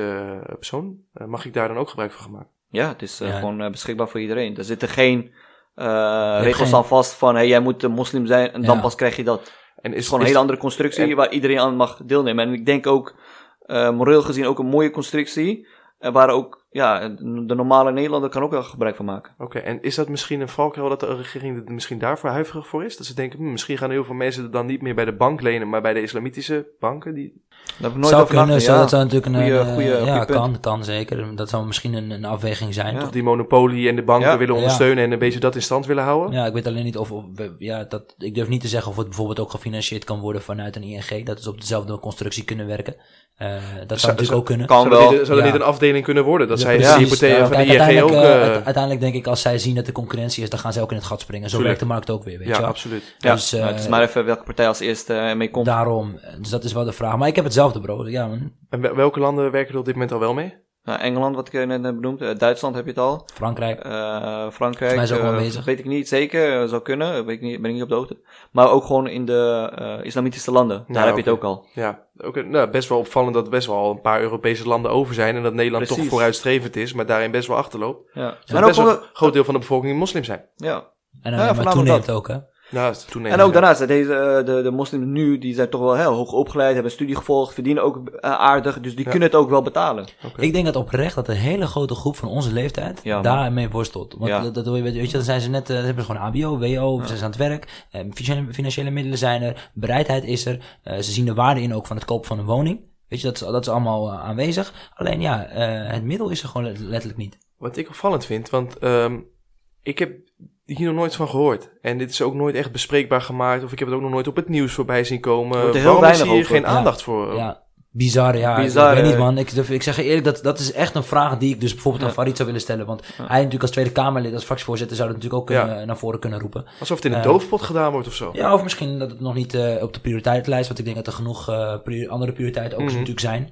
Maar ik vind het oprecht iets wat eh, heel erg leeft. Dus eh, voor mij persoonlijk, en nou, als- kan ik ook niet namens Saka spreken, is het wel iets wat we heel graag eh, ja, in ieder geval willen zien veranderen, denk ik. Ja, ik zag gelijk, eh, als het bestaat, ben ik gelijk eh, een van de eerste die daar eh, Aan mee wil doen. aan mee wil doen. Ja, Volgende week krijgen we antwoord van Farid hierover hoe hij daarover denkt en of dit al besproken is in de Tweede Kamer en of dat nog op de agenda staat. ja Oké, mooi. Goeie dat, toevoeging. dat Saka. hopen we. Dat hopen we, ja. Ja, oh, misschien ga ik dan ook al een hypotheek nemen. Eh. Zo, hè, bro, ik komt aardig in de buurt, die. Zo Als ik eh. ook al een hypotheek heb, jongens. Bro, dan is het klaar, bro. Alleen dat je maar nog. Alleen eh, zijn weer lemmer, nog dan is besneden het te worden en dan ben ik helemaal klaar. is die klaar. Een volgende stelling. ehm, een huis huren is weggegooid geld. Ja, in, in, in mijn optiek dus niet, omdat er geen andere mogelijkheid is. Oké, Ja, ik heb hetzelfde, man. Ik, eh, de- voor mij is er geen andere optie. oké. Eh, alternatief is bij je ouders gaan wonen, maar ja, je wilt uit huis, dus dan Ja. is dit voor mij huren, is het voor mij de enige optie. Ook sociale huurwoning kom ik niet meer voor in aanmerking. Dus dit is, Ambtenaren. ja, nou dit is voor mij de enige optie en dat vind ik Ja. best wel vervelend, want je wilt toch altijd wel een keuze hebben, toch? Ja. Eh, maar als jij dan bijvoorbeeld eh, wel een hypotheek mag afsluiten, eh, vind je dan dat je huur maandelijks weggegooid geld is? In ieder geval, ik zie het wel zo. Je betaalt elke maand eh Ja. fors bedrag, Weet je- maar je, bent, je ziet er niks van terug. Wat ik, wat ik het lastig gedaan vind, ja, niet lastig, kijk, tuurlijk, het voelt als weggegooid geld. Ja, Eh, want het is letterlijk iemand anders betalen en eh, nou ja, wat je voor terugkrijgt, is wel een woning. ja. Eh, dus Ja. Wat je voor terugkrijgt is een eigen plek, Vrijheid. eh, vrijheid daarin. Nee, dat is een, maar dat is een reden om inderdaad te gaan, eh, uit huis te gaan. Maar ik heb het meer over huren versus kopen. ja, ja, maar dat is wat Jacques dus zegt. Voor hem is het kopen geen optie, dus er blijft alleen maar huren over. Laat, laat ik hem anders stellen. ik als, ik de mogelijkheid steeds- had gehad om te kopen, dan zeg jij nu eigenlijk ook met die hallo-hypotheek, dan zou je altijd voor kopen kiezen. Ja, je zou nooit voor huren Tuurlijk, gaan. tuurlijk. Waarom, en waarom doe je dat Omdat dan? het gewoon minder, eh, ten eerste, het is vaak minder. Je betaalt er minder voor. De hypotheek is En minder. daar wil ik zo op terugkomen. Mag ga verder. Oké, hypotheek betaal je dan minder voor. En het is niet weggegooid geld, want je betaalt eigenlijk je eigen huis. Ja, ja, ja zeker. Ehm, ik ben het ook met je eens hoor, deels. Eh, want ik ben het liever aan het investeren dat je dadelijk je eigen waarde krijgt door middel van een eigen huis, dan dat je het aan een huurbaas geeft. Ja, want dus als ik het goed begrijp, als jij een huis koopt, dan is het huis nog niet meteen voor jou, toch? Nee, dat heb ik eh, uit het boek eh Rich Dad Poor Dad. Pa, daar zit, ik, daar zit ik in te lezen. Ja man, dus die ga je daar tegenkomen Ja, inderdaad. Eh, ja, daar staat letterlijk in van, jullie denken allemaal dat je een huis hebt als je een, eh, een hypotheek neemt en een huis koopt. Ja, Maar het is nog steeds van de bank. Want als jij niet jouw verplichting nakomt, kan de bank gewoon eh, huis opeisen. huis opeisen, want ze hebben het als onderpand. Ja. En het verkopen. Dus na die 30 jaar, dan pas ben je eigenaar. En Ja. dat is waar heel vaak eh, de mensen, de mensen ingaan. Ja, klopt. Oké, ehm, ik denk een mooie afsluiting van dit onderwerp. We gaan weer naar ons vaste rubriekje, de platte hand van de week.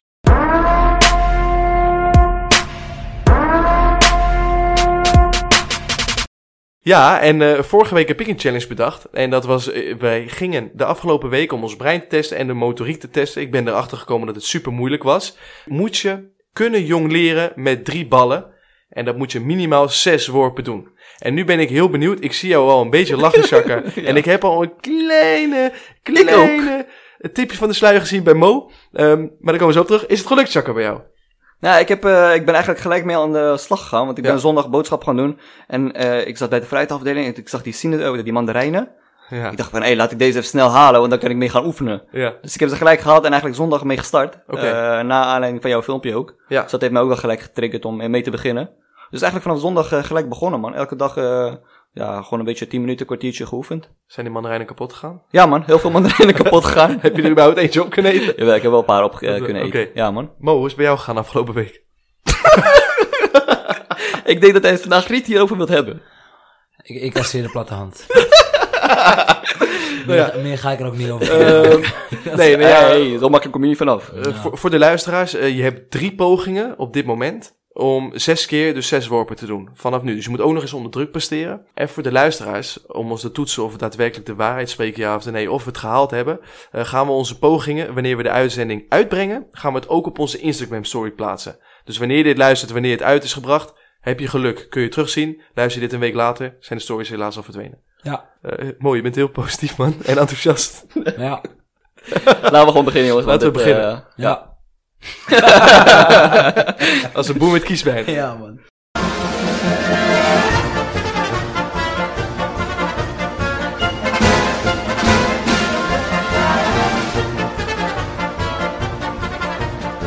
Ja, eh, we hebben het net gedaan. Het filmpje is gemaakt. En tot de conclusie, Chakra en Mo hebben het allebei niet gehaald. Allebei niet gehad. Ik zeg je heel eerlijk, ik ben wel blij dat ik niet de enige ben. Ja, man. Heerlijk. Maar mooi, was, nou, uiteindelijk was je niet veel slechter dan Chakra. Toch? Eerlijk, dat viel wel klopt. mee. Ja. Zes pogingen, niet gehaald. En je hebt hard geoefend zijn, het, jammer. ja. Ja, ik eh, denk presteren onder druk. En daarnaast moet ik je zeggen, ik heb met mandarijnen geoefend en we hebben net met tennisballen gedaan. Dus misschien kan dat ook... eh Excuses zoeken. Excuses. Winnaars hebben een plan, verliezers hebben een excuus. Hmm. hmm.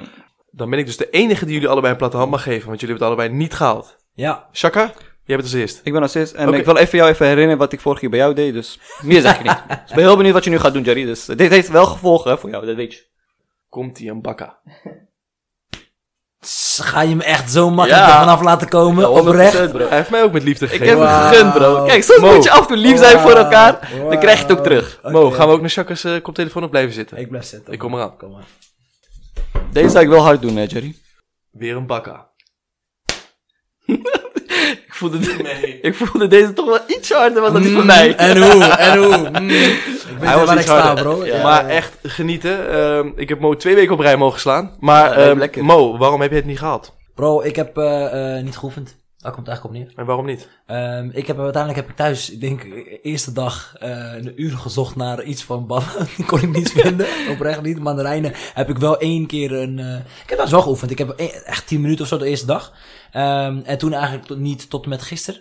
En waarom heb je dan niet gedacht van, Ja. eh, ik ga mandarijnen kopen zoals Shakker? Ja, heel eerlijk, passieve houding, geen actieve houding. Ik ben ook echt oprecht super druk met, eh, met andere Ja, dingen. dat dus dat weer is geen echt weer excuus. een excuus en, voor en jou. ik ga gewoon heel eerlijk zeggen, deze eh, challenge eh, vond ik niet heel boeiend voor mezelf. Dus vandaar. Nou, ik vond het wel leuk. Dus de motivatie was er niet echt. Ja. Dus ja. Ah, commitment aangaan en eh, weer niet gehaald. Nou ja, zo kan je het zien. Ja. Maar je hebt wel gelijk, ik heb het niet gehad. Nou, ik heb denk ik wel mijn best gedaan. Ik heb, eh, ik heb de spullen gehaald. Ik heb Ja. eh, geoefend elke dag. Eh, maar goed, ik blijf er nog steeds bij dat ik gewoon met mandarijn heb geoefend en dat het daaraan ligt. Ik heb Dus vanmiddag blijf ik, gezien eh, dat je het eh, kon. Dus, eh, Je hebt maar ja. gezien dat ik Maar, twaalf maar keer Jay, wel mag druk presteren, vragen dan, hè? Ja. En, eh, de resultaat is hetzelfde toch? Ja, daarom. Ja, ja, Uiteindelijk wel, omdat de druk die erbij komt Ja, kijken maar is ik ook deed eerlijk. Ik deed toen met mandarijn en toen ging het wel. Zeker. En ook met de tennisbal is het gelukt trouwens vanmiddag. Ja, maar toen maar was het ook zes, hè. Oké, dat is waar. Maar dat maakt niet uit. Hey, eh, nieuwe challenge, eh, Mo. Jij hebt deze week bedacht. Ja. Hij heeft niks. Hij heeft niks. Nee, ik heb, ik heb wel wat. Ik Oh, je heb zeker het, wat. Ja, vertel. ja, ja, ja. Vertel. Waarom is je zo lachend naar mij te kijken? Ja, want we gaan iets doen ehm, wat jij eerder beloofd hebt, maar niet gehad hebt. Oké. Prima. Dus hè, kijk, ik kon ervoor kiezen om jou nu terug te pakken deze week. Daar heb ik wel eerlijk gezegd over nagedacht, want ik wist dat ik de platte hand zou moeten incasseren. maar je kon niks verzinnen wat, nou, wat, wat ik, had wel iets, maar niet. dat vond ik zelf ook kut, zeg maar dat. Ja, weet je. Dus toen dacht ik, oké, weet je, laat ik, eh, laat ik iets doen waar we wa- wat aan waarde hebben ook. Oké. Eh, ik denk dat het leuk is dat we weer een beetje diepgang opzoeken. Dus ik wil dat deze week gaan beginnen met onze persoonlijke statuten. Oké, vet. Wat, zijn, wat zijn de randvoorwaarden? Wat zijn de context? Wanneer heb je het gehaald en wanneer heb je het niet gehaald? Minimaal 10 regels? Ehm, ja, ik weet niet of er echt regels op. Ik kijk even Chakar aan, want die weet ook hoe dat, eh, hoe dat precies uitziet in het boek. Nou, Mo, als jij nu zegt, ik wil dat we minimaal 10 regels schrijven van ons persoonlijke statuut, dan eh, kunnen we dat ja, doen. het is jij bent, jij bro. bepaalt. eh, dus, eh, Ik zou zeggen, laten, we, laten we minimaal eh, 15 regels doen. En, eh, maar stel je voor, je hebt er maar tien. Als dat jouw gewoon persoonlijk statuut is. en dan mag je dat dus uitleggen volgende week. Ik vind dat, dat we dan op die manier doen. Oké. Vind ik prima. als je een goede onderbouwing Als je een hebt goede en je hebt gewoon echt iets goed ja, wat goed weet je staat. wel wat dan goed je- staat, dan is dat prima. Ja. Challenge accepted. Ja, zie. leuk Oké. boys, leuk. Hey, dan gaan we nog een tipje van de week snel. Ja, let's go. Het zal jullie eh, niet verrassen. Ehm, ik heb een boek en dat gaat over voetbal. Hm? Alweer? Alweer, ja. Nee, dit is een eh, Kunnen boek... we beter eh, gewoon een voetbal, voetbal de podcast maar van maken of zo. want het eh. zou tenminste leuk zijn. Ja, dat wel Jerry dat zou ik heel leuk vinden. Jerry Inside. Inside. Eh, Dan ben ik even Wilfred Genee. Nee, ik heb, eh, dat boek heet Pep Guardiola. Een van de eh, grootste en succesvolste eh, voetbaltrainers eh, van de wereld. Eh, het voorwoord is geschreven door Louis van Gaal. En eh, super interessant boek, want ik heb de ambitie om ook trainer te worden. En ik heb hem ook aangeraden gekregen van eh, mijn trainer eh, bij, bij Sparta Nijkerk. Ehm, kijk je achter de schermen van al de prijzen die hij behaald heeft bij Barcelona. Hoe die is begonnen bij Barcelona. En dat is heel vet. Dus hoe je als coach de kleedkamer binnen kan stappen. En zijn eerste woorden waren letterlijk... ehm, luister, ik ben een mens en ik maak ook fouten. En ik ga jullie ook teleurstellen. Maar ik zal altijd met mijn hart voor jullie strijden naar de buitenwacht. En voor iedereen toe, want jullie zijn mijn familie. En dat vond ik super vet. Dus eh mooi, een van de mooie quotes. Maar je ziet precies zijn tactische overwegingen. eh, en ook heel vet hoe hij met een groep omgaat. En eh, hoe hij met verdetters omgaat. Als Messi, Xavi, Iniesta. eh, hoe hij Ibrahimovic heeft weggestuurd. Kijk je achter de schermen. Dus eh, superleuk. Als je van voetbal houdt. Ja, Eh, ik heb een eh, boek eh, voor deze week. Het Ja. is eigenlijk het tweede boek die ik eh, heb gelezen in, in mijn hele leven. Eh, namelijk Think and Grow Rich. Ja. Er is ook een Nederlandse variant ervan. Ehm, denk Ja. groot en wordt rijk. ja, dat is hem inderdaad. Ehm, Ik heb hem deze week gekocht, man. Oké, kijk. Ja, dat is ja. eh, leuk om te horen, man. Ja. Heel goed boek. Ik denk dat je ook heel veel eh, wijsheden eruit gaat halen. Nou, het boek gaat eigenlijk over persoonlijke ontwikkeling en eh, succes. En welke mindset je daarvoor nodig hebt. Ehm, en eigenlijk neemt dit boek je mee in de strategie eh, die heel veel mensen eh, hebben gehanteerd. Eh, maar het is voornamelijk een boek eh, waarin een formule staat die staat voor succesvol en een voldaan leven. Oké. Ja, mooie aanrader. Eh, tot slot, Mo. Jouw tip van de week? Nou, ik heb, ik heb wel een leuke, leuke tip van de week, boys. Ik heb deze week eh, gekeken naar de kluis van het jachtseizoen. Hebben jullie, eh, hebben jullie ook toevallig gezien? Een jachtseizoen of een... eh, Oh, oh. van, eh, van eh, inderdaad Stuk, eh, Stuk TV. Ehm, Ja. De Kluis, jullie kennen het volgens mij wel. Eigenlijk een videootje. Ik doe even een entertainment dingetje deze week. om Ter zo te ontspanning. Zeggen, ter ontspanning. Ja. Superleuke aflevering heb ik gecheckt met ja, Monica Geuze, Ronnie Flex en Dave Roelvink. Het idee van de kluis is eigenlijk dat ze een, een soort van ja, kluis moeten beroven als, als team. Ehm, en daarin eh, moet Stuk TV het fort bewaken. en dan eh, ja, eigenlijk als kleine kinderen weer eh, eh, boefje en, en, en eh politieagentje spelen, zeg Het maar. is echt een dikke aflevering. Ja, deze was, deze was echt eh, oprecht heel leuk. En veel gelachen, dus daarom eh, doe ik hem even als aanrader. En eh, wat sowieso even goed is voor de luisteraars. eh, we doen natuurlijk elke week de tip van de week. Maar we gaan ze ook verzamelen. En elke zondag zullen wij deze plaatsen op onze Instagram pagina. Zeker. Het Amigos, de podcast op Instagram. Eh, of eh, als je nog een mail hebt. Stuur Mono eens een mail, hij wacht al de hele tijd. nee man, dat was het. En dan gaan we hem afsluiten. Eh, lieve luisteraars, bedankt weer voor jullie aandacht en voor jullie geduld. Want jullie hebben het weer lang met ons uitgehouden. Ehm, volgende week gaat het dus over politiek. En over het stemgedrag onder jongeren. En hoe we dat willen stimuleren. Met onze gast uit de Tweede Kamer. Eh, partij en fractievoorzitter van DENK, Farid Azarkan. Dus volgende week hou onze shows in de gaten. Want eh, het gaat echt een hele toffe uit, eh, uitzending worden. Dus eh, nogmaals bedankt voor het luisteren. En eh, dan gaan we er vandoor. Eh, Mo, wil jij nog gek doen? Nee, ik eh hou het lekker normaal. Dankjewel voor het luisteren. En weer out. Het is 9 Out. uur. We moeten snel weg. Ciao, ciao.